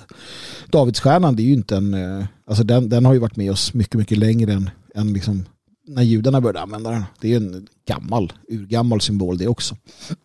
Och en, en, symbol inom esoteriken och så vidare. Så det är ingen konstig symbol alls. Jag har inga, jag har inga som helst problem med, med Davidsstjärna som symbol. Sist men inte minst, om man är intresserad av kristen teologi, vilka böcker skulle jag då föreslå? Oj, eh, det beror lite grann på. Jag, jag brukar säga, eftersom jag är identitetskristen i grund och botten, så är det kristogenea.com, en hemsida som samlar väldigt mycket material från eh, olika, olika eh, identitetspastorer och liknande, mycket studiematerial och sådär, som jag personligen intresserar mig för. Och så vidare. Så att, eh, det är väl där jag skulle börja i alla fall. Sen, sen tror jag att man ska läsa, studera och förstå så mycket som möjligt på egen hand också. Ja, inte att, att köpa hela eh, förpackningar färdiga. Utan sitta med en bra konkordans om man är intresserad av det. Eh, skaffa sig en, en, en förståelse för till exempel då vad, vad Bibeln säger. Än att du läser den då på titta de hebreiska orden. En Strongs konkordans. Det finns bibelkonkordans på nätet numera som är bättre eller sämre. Men som sagt, som, som i grund och botten identity så, så tycker jag att Kristiania är en, en bra eh, samlingsplats för mycket bra eh, eh, kunskap. Så fick jag prata Bibeln och tro, det tycker jag är kul. Jag hoppas att ni också tycker det är intressant eh, att göra. Med det sagt så ska vi gå vidare i programmet och eh, innan vi pratar vidare så blir det naturligtvis lite musik och nu blir det musik på temat. Det blir The Nazarite. Jonathan David Brown hette han eh, och eh, han eh, gick från att vara en känd sån här musikproducent till att bli en övertygad identitetskristen. Lämnade allt bakom sig och var med och producerade, jag vill minnas i alla fall en del utav en del utav den här Eh, vad hette han nu då? Carl Klang hette han. En del av hans musik var han med och eh, producerade. Men han, också, han släppte också egen musik eh, i form av då The Nazarite. Och här kommer då Insane Babylonians.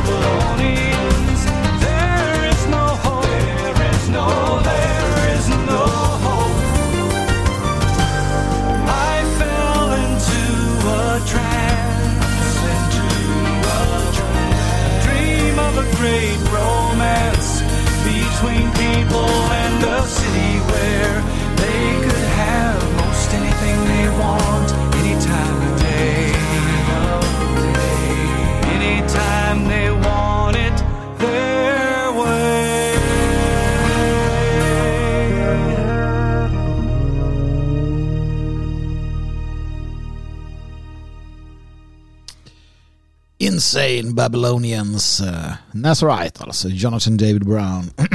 Inte helt lätt att få tag på den musiken är det, men eh, väl värd att lyssna på.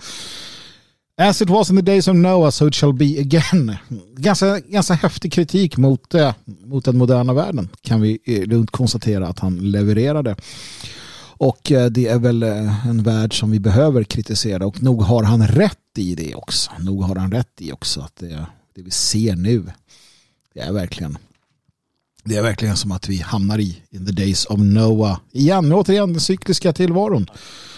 Det sker om och om igen tills vi bryter oss ur detta en gång för alla. Tills vi så att säga hoppar på och eh, spårar in igen. En väg till detta är att uh, hålla sig informerad. Det är att, att eh, umgås med sina Eh, likar. Det är att eh, vara en del av det vi arbetar med, den opposition vi arbetar med. Det är att vara på rätt sida i historien. Det är att vara en följare av, av, den, eh, av allfadern och, och hans vilja. Tack till Dan och tack till Kristoffer. Ni två har, det kanske finns fler, jag har inte fått fler namn, men ni har i alla fall hjälpt till rent ekonomiskt donerat till härden. Och jag ber er alla att göra detta.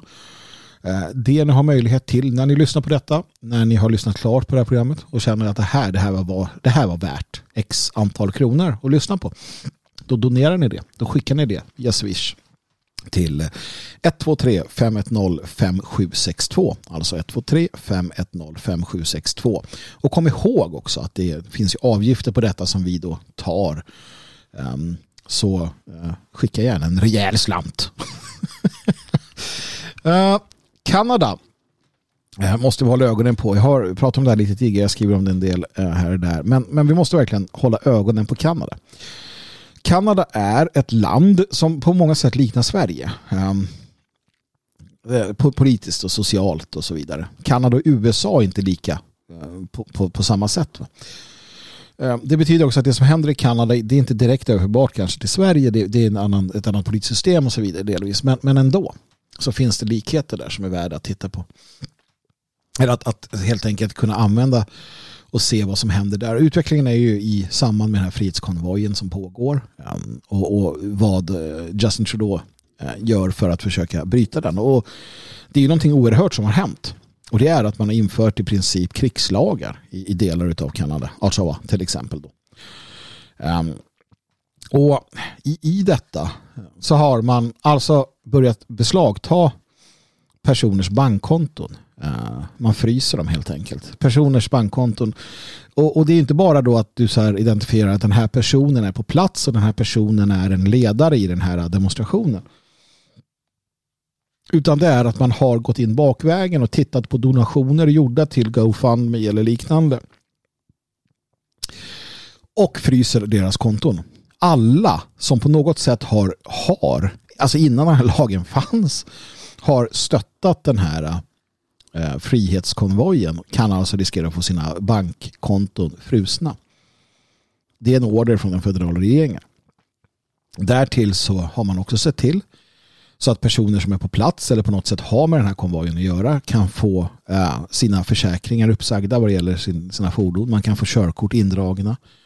Eh, man kan eh, på olika sätt och vis, alltså om, om du har ett företag ett åkeri där en lastbil är en del av frihetskonvojen då kan du alltså bli av med alla bankkonton, försäkringar och liknande kring ditt företag. Man har också haft problem med att få bärgningsbilar att eh, forsla bort lastbilar. De vill helt enkelt inte göra det i de här områdena. Vilket löstes med att eh, om, Eh, med, med de här nya krigslagarna i princip då så kan då den federala myndigheten säga att du ska forsla bort de här eh, lastbilarna. Du får betalt för det, du ska forsla bort dem. Gör du inte det, då har du inget företag kvar. Då fryser vi dina bankkonton. Alltså man måste förstå hur allvarligt det här är. Och man är också ute efter eh, såklart, såklart då ehm, eh, kryptovaluta. Vilket nu har fått folk att, att helt så okunskap är ett problem. Eh, för att man har fått för sig då att eh, kryptovalutan också är osäker, den är spårbar och så vidare.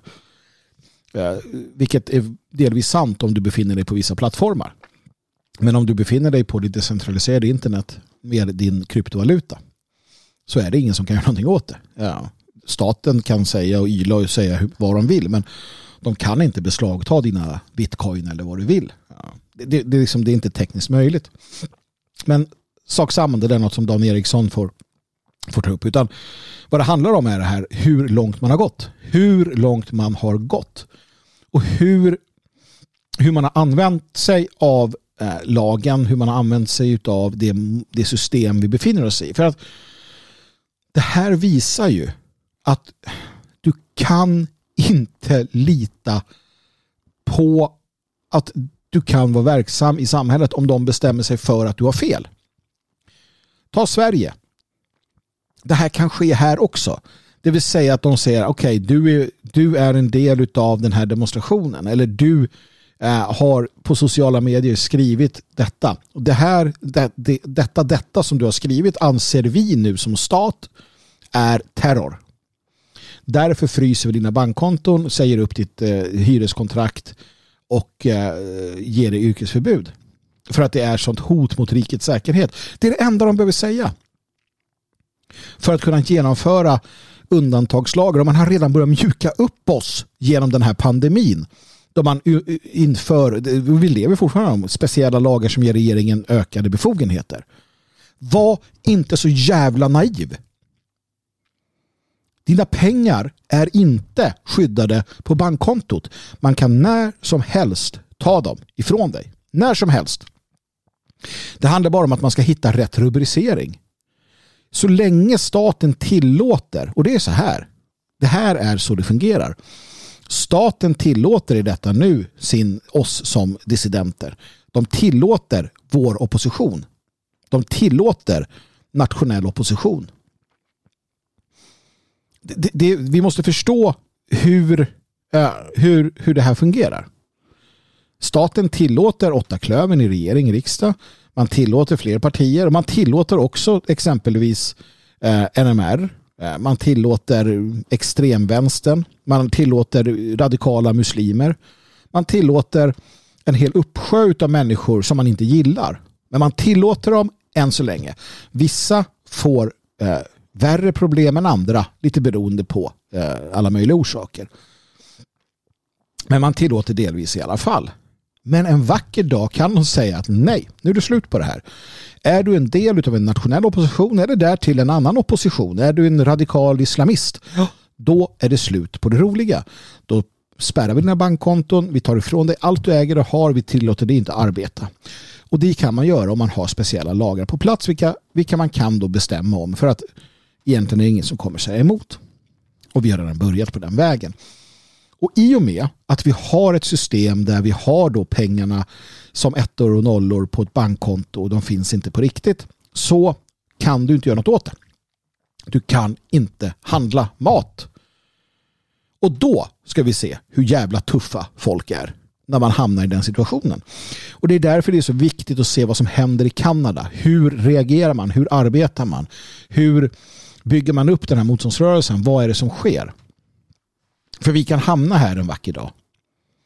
Vi kan hamna här en vacker dag när, när framförallt ledande personer, eh, undertecknad naturligtvis, med flera, vaknar upp till en verklighet där nej, vi har inga möjligheter att upprätthålla eh, eh, vår egen liksom det vardagliga. Går inte att köpa mat. Går inte att göra detta.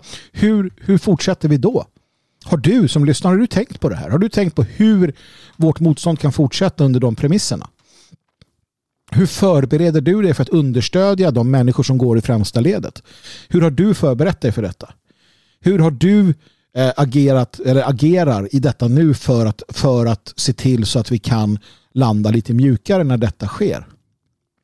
När detta sker, jag säger inte om utan jag säger när, för förr eller senare så. Och det är det här den verklighet vi måste ta till oss och förstå. Jag skiter i vilket. Jag, jag, jag har passerat min Rubicon för länge sedan. Det spelar ingen roll vad de gör.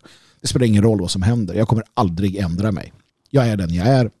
Jag tror på det jag tror på. Jag kommer, jag kommer skrika det från hustaken. Vare sig jag har en, en, en person vid min sida, ingen person vid min sida eller 10 000 vid min sida. Det blir naturligtvis trevligare om jag har 10 000 vid min sida som sticker till med en krona här och där så att jag kan fortsätta att leva och verka. Så att jag kan fortsätta ge det till, till min familj. Men även utan så tänker jag fortsätta. Men det är ju det här som vi måste ha i åtanke och det är därför vi måste titta på vad som händer i Kanada. För vi måste förbereda oss för liknande eh, åtgärder att ha satts in mot, mot oppositionen i, i Sverige eller för den delen i Europa. Och i och med att man har vaccinpassen och fått den bräkande befolkningen att acceptera detta så har man ett ytterligare steg mot de här sociala poängsystemen. Så att det, det, är den framtid som kommer. Det är det som väntar. Och återigen, vi, vi, ska, vi ska med näbbar och klor kämpa emot den. Vi ska på alla sätt och, och vis um, såklart uh, agera för att, uh, för, att, för att detta inte ska så att säga bli verklighet. Och ja, jag är helt för att vandalisera eh, maskiner som läser vaccinpass. Jag, jag, jag förstår utan tvekan om man slår sönder sådana om man ser dem. Eller annat i det här elektroniska bevakningssamhället. Jag förstår det. Jag säger inte att man ska göra det. Det är ju naturligtvis olagligt. Men jag förstår om man så att säga äh, agerar på det sättet. För storebrorssamhället är det livs, mest livsfarliga som, som, som vi har sett. Och vi har sett storebrorssamhällen tidigare. Det är inte så att det är något nytt heller. Eh, maktens behov av total kontroll eller liknande. Det är bara att det sker på ett annat sätt nu. Det sker eh, elektroniskt. Och vi kommer kunna arbeta runt detta. Vi kommer kunna fortsätta. Men, men vi måste alla fundera på hur. Hur kan vi fortsätta när detta slår till? Nu rullar de nya polisbilarna ut med 360 graders kameror ja, som, som kommer konstant avläsa sin omgivning. Vilket gör att du kan eh, kontrollera om dissidenter far runt på vägarna. Och allting görs med goda föresatser. Ja, men vi, vi får bukt med kriminalitet eller fortkörare eller andra dumma människor. Men låt bara det gå ett tag så ska vi få se. När vi ska ha en stor demonstration i Stockholm och eh, dissidenter sätter sina bilar från norr till söder och polisens automatiserade system är ute. Och det plingar för polisen varje gång det kommer en bil med dissidenter i för man vet okej okay, den här Bengan, Bengan Persson i Bromölla. Han har ju betalat pengar till den här eh, dissidenta organisationen. Pling! Ah, han är på väg i bilen till Stockholm. Stoppa honom. Det här är på riktigt. Det här är det som det kommer användas till. Och, och demokraturens kreatur, de blåklädda snutarna, de kommer vara helt med på noterna. De skiter väl i vilket. Jag följer bara order. Som jag alltid har gjort. För att jag är en imbecill. Sanna mina ord. Förbereder du dig eller inte? Ta det på allvar. Det, det, det måste du göra. Så att håll ögonen på Kanada och lär av det som sker där. Det är det enda vi kan göra. Det är det vi måste göra för att det ska bli någon ordning.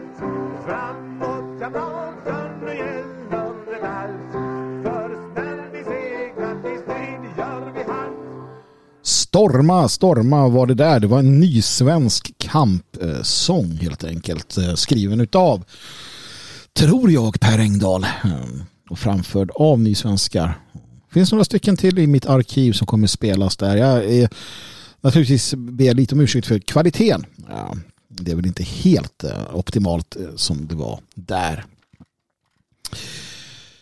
Nåväl, eh, nu blir det lite tråkigt igen. Men eh, det måste det bli. För att den senaste veckan eller veckorna har, har levererat en del. Alltså tråkigt och tråkigt. Det är tillnyktrande om inte annat. Jag pratade lite om fallet Kevin här. Ja, och vi har alla följt detta med hur eh, de två bröderna då som eh, misstänktes för och inte dömdes men, men så att säga hängdes ut för eller tillskrevs mordet på eh, lille Kevin.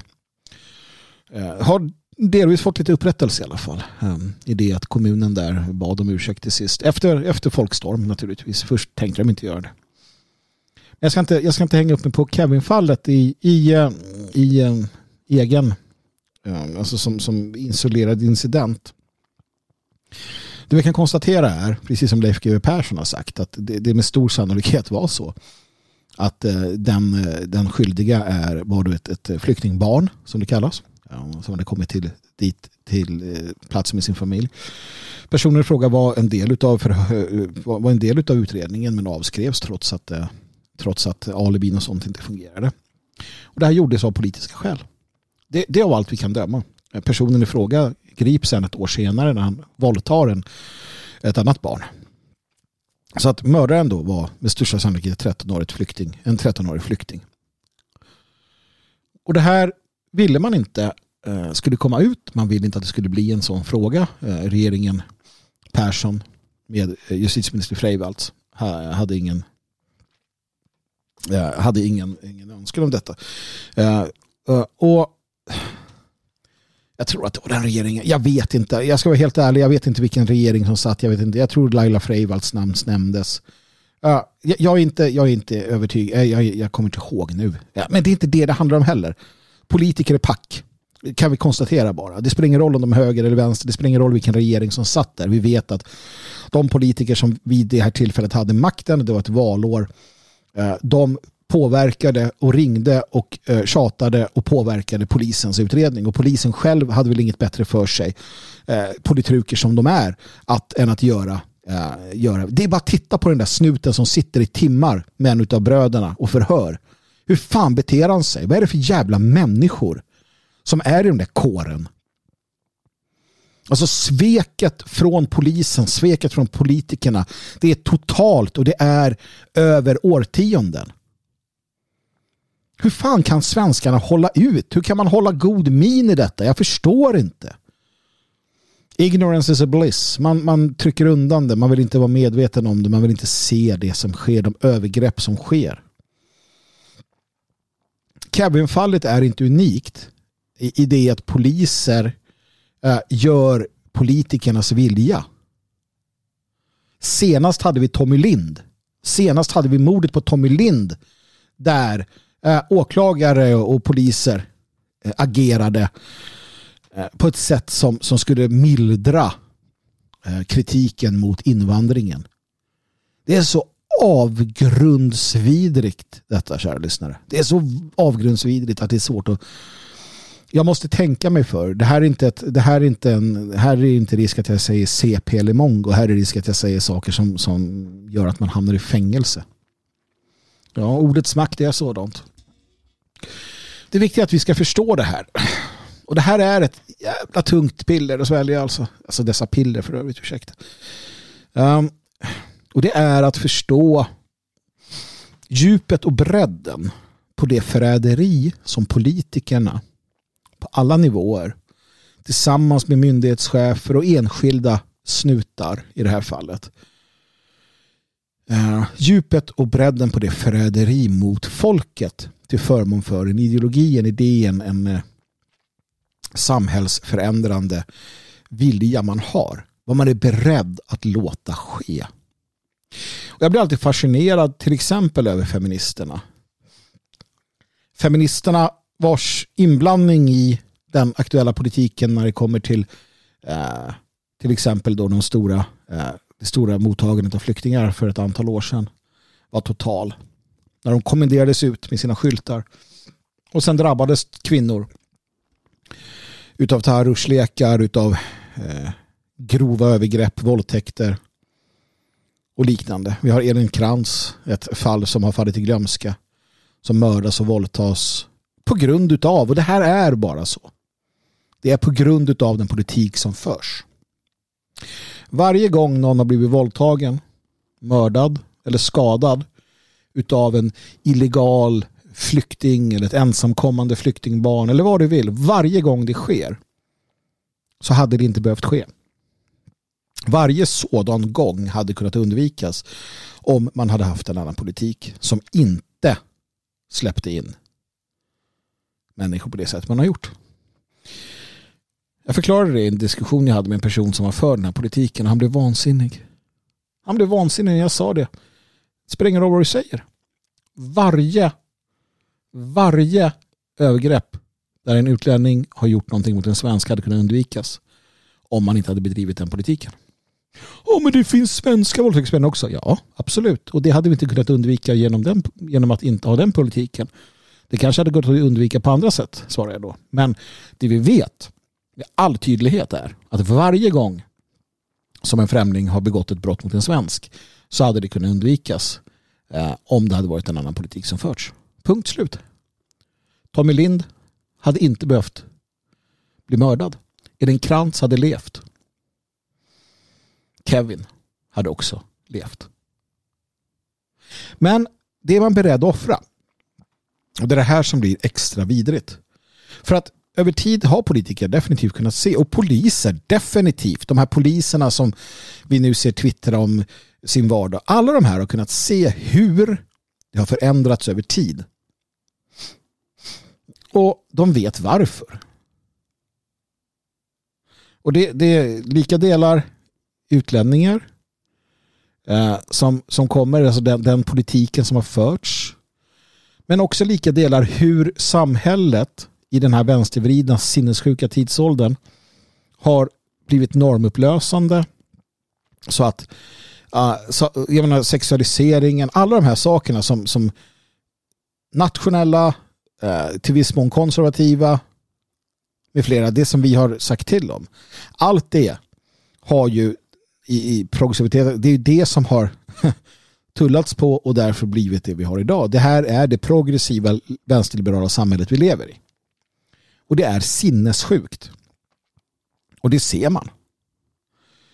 Det betyder att det finns en medskyldighet här hos alla de här människorna. Och, och de, de kan inte, precis som man inte i Kanada eller annorstädes kan säga jag följde bara order så är inte det dugligt. Så att politiker och media väljer samhällsprojektet framför svenskarnas väl och ve. Och där är vi bara. Det är bara att inse detta. Och de fortsätter göra det idag. Och nästa regering kommer också fortsätta göra det. De kommer välja eh, de kommer välja Davos, eh, World Economic Forum-traktatet eh, framför Sverige och svenskarna. De kommer välja eh, svenskfientlighetens utbredning genom massinvandring och folkutbyte, vänsterliberalism etc. etc. De kommer välja allt detta före svenskarnas väl. Så är det bara. Och poliserna kommer fortsätta lyda order mot svenskarnas väl. Där är vi. Och fallet Kevin visar det så tydligt. Det visar det så tydligt. Lyssna igen på vad Leif GW Persson berättar och förstå att det här var ändå ganska länge sedan. Förstå hur djupt förräderiet går. Alltså, du kommer inte som svensk få hjälp. Det är bara att inse. Om du eller din familj, gud förbjude, drabbas av någonting i det här samhällsprojektets spår så kommer du inte få hjälp, kommer inte få upprättelse. Vi kan nämligen inte leva på det här sättet. Det går inte över tid.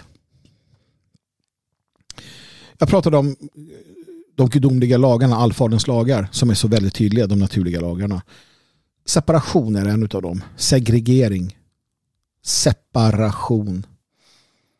Han skapade var och en efter deras sort, var och en efter deras art, var och en efter deras ras, var och en efter deras kultur. Man lever med det sina.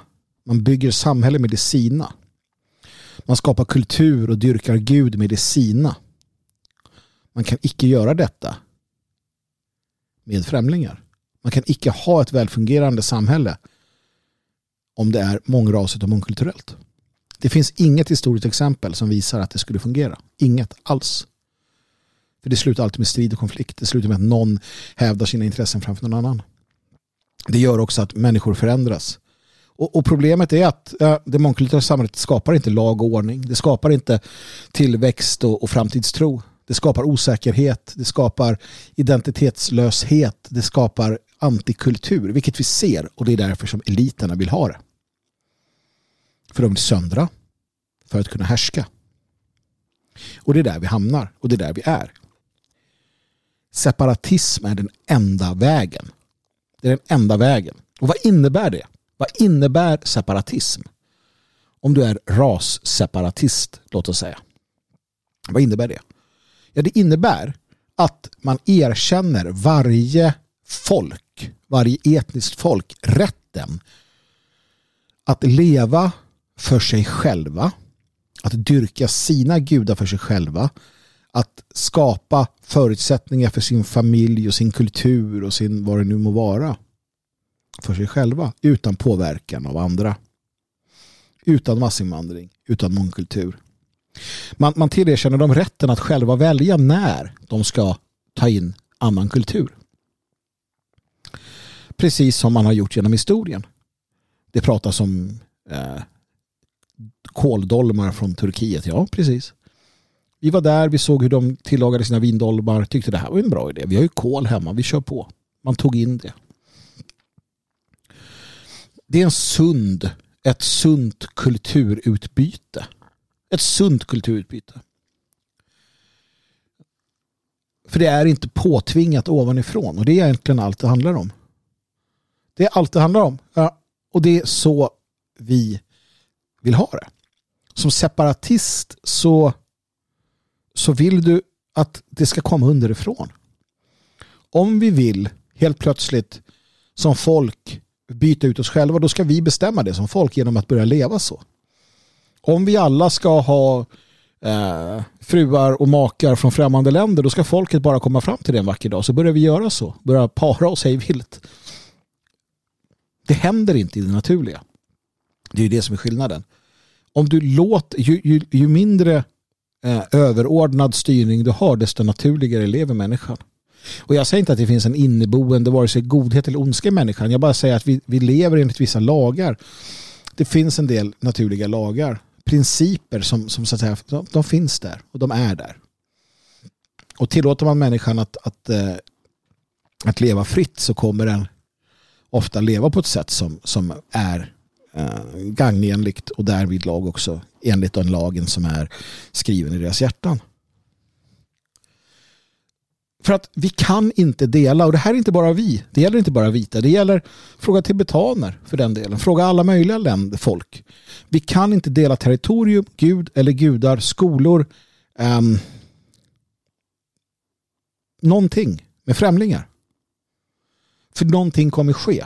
Någonting kommer bli kaos och konflikt. Någon kommer vara tvungen att stryka på foten. Som sagt, fråga hur bra det gick för för andra som har varit tvungna att göra detta. Eh, initialt så försvagas vi. Sen kommer perioden då vi kommer stärkas, då vi blir en minoritet och förstår det. Och sen så blir det ett, ett samhälle av konflikter, kriser och krig. Men det finns krafter som tjänar på detta och det är därför detta genomförs om och om och om igen. Som en del i den här cirkeln, den här äh, cykliska tillvaron vi lever i än så länge tills vi frigör oss från grunderna till det. Fallet Kevin visar det här återigen. Det visar hur eliterna, i det här fallet den politiska mediala eliten, gör allt de kan för att upprätthålla sitt samhällsbygge även om det går emot vårt bästa. Sluta se dig som en del av Sverige AB. Sluta se dig som en del av den, av det, den samhällskonstruktionen som är Sverige AB. Sluta se dig som en del utav det moderna Sverige. Sluta se dig som en del utav det system som är de politiska partierna, eh, de sociala skyddsnäten så kallade och allt detta. Du är inte en del av detta. Det är en, en struktur som har skapats i ett fängelse som har byggts för dig. Ett fängelse som har byggts för dig för att du ska acceptera eh, och kunna användas av de maktfullkomliga eliterna. Det, det är inte svårare än så. bryter ju loss ur detta och ett sätt att bryta loss ur detta det är att segregera, att separera. Att, att förstå den grundläggande principen i detta. Och det handlar också om din trygghet och din säkerhet. Jag har pratat om det här många gånger. Din familjs trygghet och säkerhet. Om du, om du inte lär de som du är ansvarig för att medvetet vara försiktiga att medvetet segregera och separera sig från den moderna värld de lever i så är risken att de drabbas av ond bråd död hög. Om du inte lär dina nära och kära hur man klarar sig i ett mångkulturellt folkutbytarsamhälle med en regim som är i grund och botten fientligt inställd till dig så är de utan skydd mot de rovdjur som, som stryker runt. Om man inte vet hur man ska bete sig när man är ute i samhället. Om man inte förstår det så är man ett bytesdjur. Eller det man inte alls är, till och med bytesdjur vet hur de ska vara vaksamma, vad de ska passa sig för, att vattenhålet är en farlig plats och så vidare. Systemet i Sverige har under årtionden tagit bort all möjlighet för svenskar att förstå sin omvärld, förstå sitt samhälle och därför har de inte kunnat hantera det. Jag menar, det finns ju ett skäl och det är detta skälet till varför till exempel Peter Åkessons intervjuer med, med eh, de har väl 20 år på nacken nu när de intervjuar utlänningar som frågar och frågar varför de riktar in sig på svenskar och de konstaterar att svenskar är veka, svenskar är fega, svenskar är lätta offer. Varför tror ni att man resonerar så? Det är för att det är sant naturligtvis och det är för att vi har blivit dresserade till att bli lätta offer. Att inte förstå vår omvärld. Är du, segre, är du, är du separatist, sep, att du separerar dig på alla sätt och vis från det här samhället, ja, då kommer du leva enligt andra principer, andra idéer en annan förståelse för din verklighet och samtid. Där du inte kommer lära ut att eh, vara oförsiktig på stadens gator och torg. Där du inte kommer på andra sätt också naturligtvis uh, skilja dig i det att du kanske lägger mer vikt vid andra sociala aktiviteter än att gå och supa skallen av dig på krogen. Men skulle det ske att du och du och dina går och super skallen av sig på krogen så vet ni i alla fall bättre än att vara lätta offer. Ska man leva så? Ja, man ska leva så här. Det är också det som är intressant. Att man inte förstår hur primitiv och alltså, det är den överciviliserade världen vi befinner oss i. När vi, när vi på något sätt tror att vi är undantagna av verkligheten. Den större delen av mänsklighetens historia så har man levt vaksamma på sin omgivning. Även i de gamla byarna. Man var vaksam på sin omgivning. Man var vaksam på vad som hände. Man hade byalagen. Man hade koll. Man hade koll. Stammarna för nomadiska stammar. Vad tror ni de gjorde? Tror ni att de bara satt och... Jag menar, hela den här idén om att vi är det kallas främlingsfientliga. Var kommer den ifrån tror ni? Varför tror ni att det är ju för att det är rätt, för att det är en, en gudagiven instinkt. Du ska vara vaksam på främlingar. Du ska vara vaksam i din relation med främlingar. Och det här är en av våra stora problem som ras. Att vi är lite godtrogna, blåögda. Varför tror ni vi kallar, varför kallas godtrogenhet, sjuklig godtrogenhet för blåögdhet? Jo, för att det är ett kännetecken för vår ras. Vi är lite dumma i huvudet på det sättet. Och framför allt är vi det när vi är, eh, lever i en förljugen tid som denna. Är därför vi måste aktivt separera oss. Skilja oss från systemet, från människorna. Vi måste aktivt, inte passivt, utan aktivt ta kontroll över våra egna öden i den mån det är möjligt. Och jag bönfaller dig du som lyssnar, att, att göra detta. Speciellt om du har barn. Ta det på allvar. Och en del av detta är att lämna storstäderna. Om det inte är så att du har, och det kan vara så, att du har i ditt närområde där du befinner dig eh, ett, ett välutvecklat nätverk och, och ni har det ni behöver så att säga. Då kan det, då kan det vara kvar. Det, det, det är upp till er själva men generellt sett lämna storstäderna. Lämna anonymiteten. Lämna eh, isolationen. Lämna de områden som, som riskerar att få enorma problem i händelse av kriser. Och sök dig medvetet till platser där du kan sluta dig samman med andra nationella, med, med sunda, normala och bra nationella människor. Skapa dessa separatistiska samhällen. Och det är inget vi behöver basunera ut. Det är inget ni behöver basunera ut. Gör det bara. För er egen skull. Och vi måste också förbereda oss på det värsta. Och hoppas på det bästa. Jag vet inte. För er, somliga kanske det här är en sån här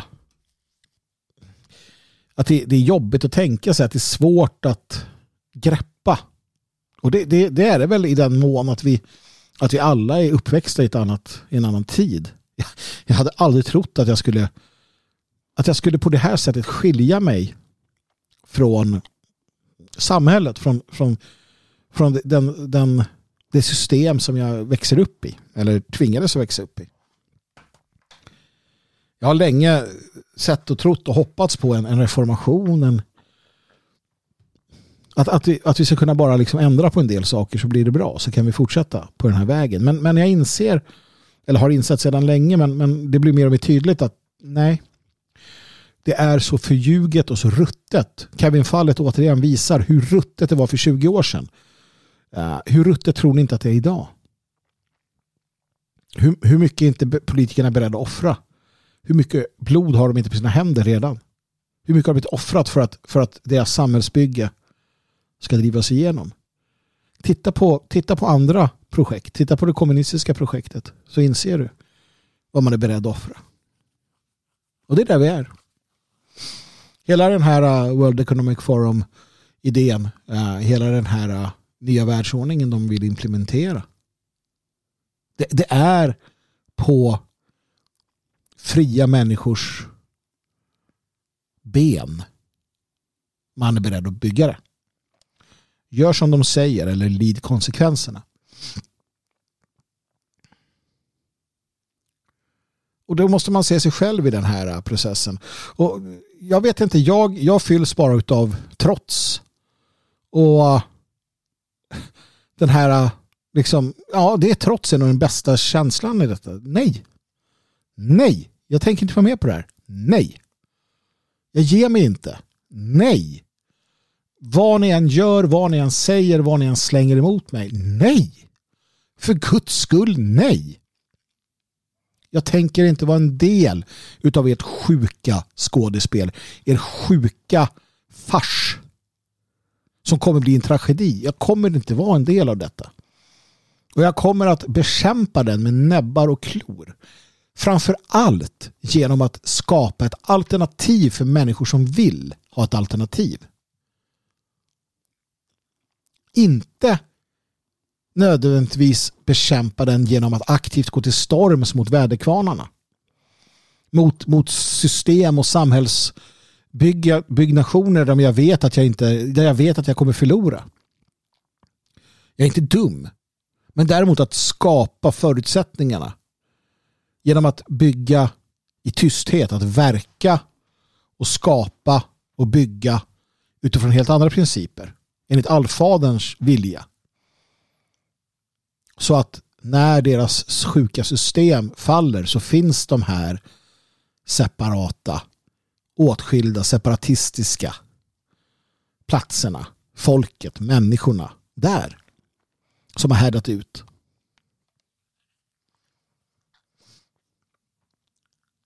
Man kan önska att det ska vara på andra sätt. Och, återigen, vi vet inte vad som händer.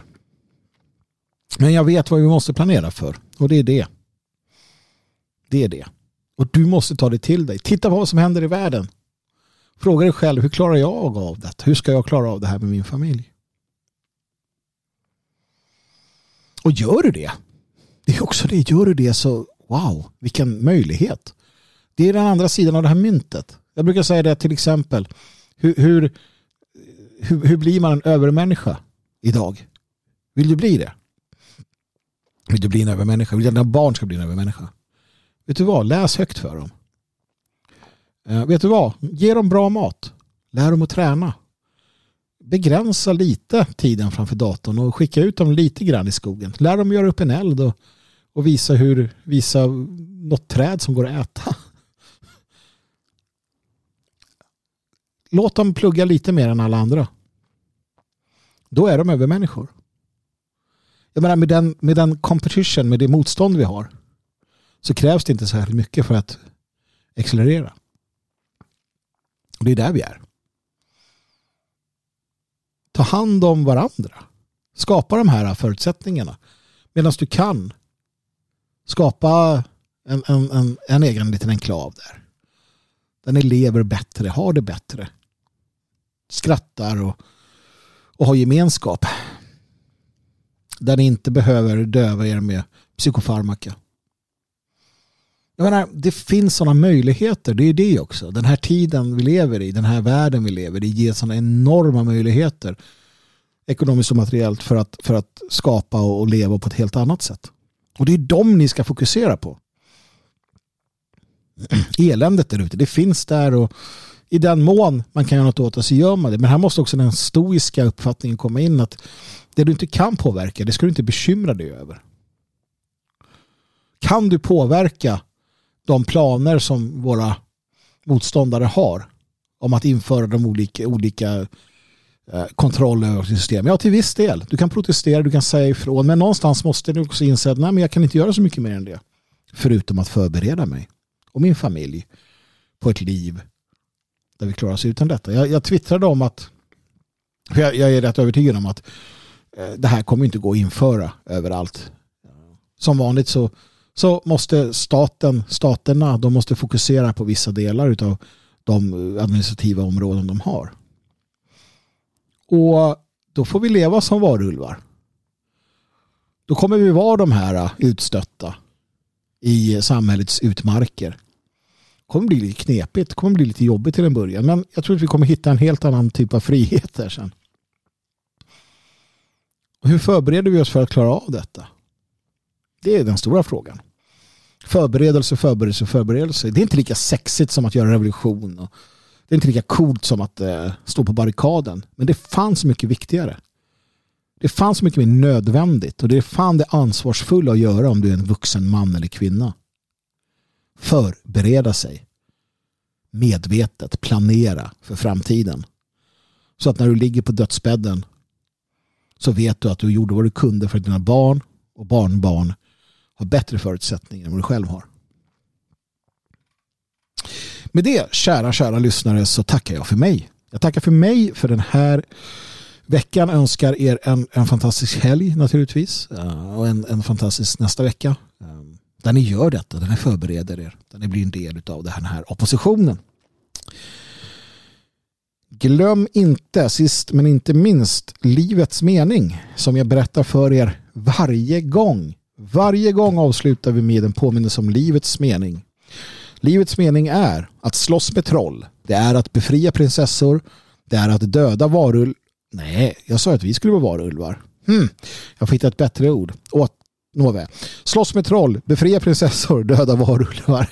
Det är att leva det. Sist men inte minst, ge aldrig upp.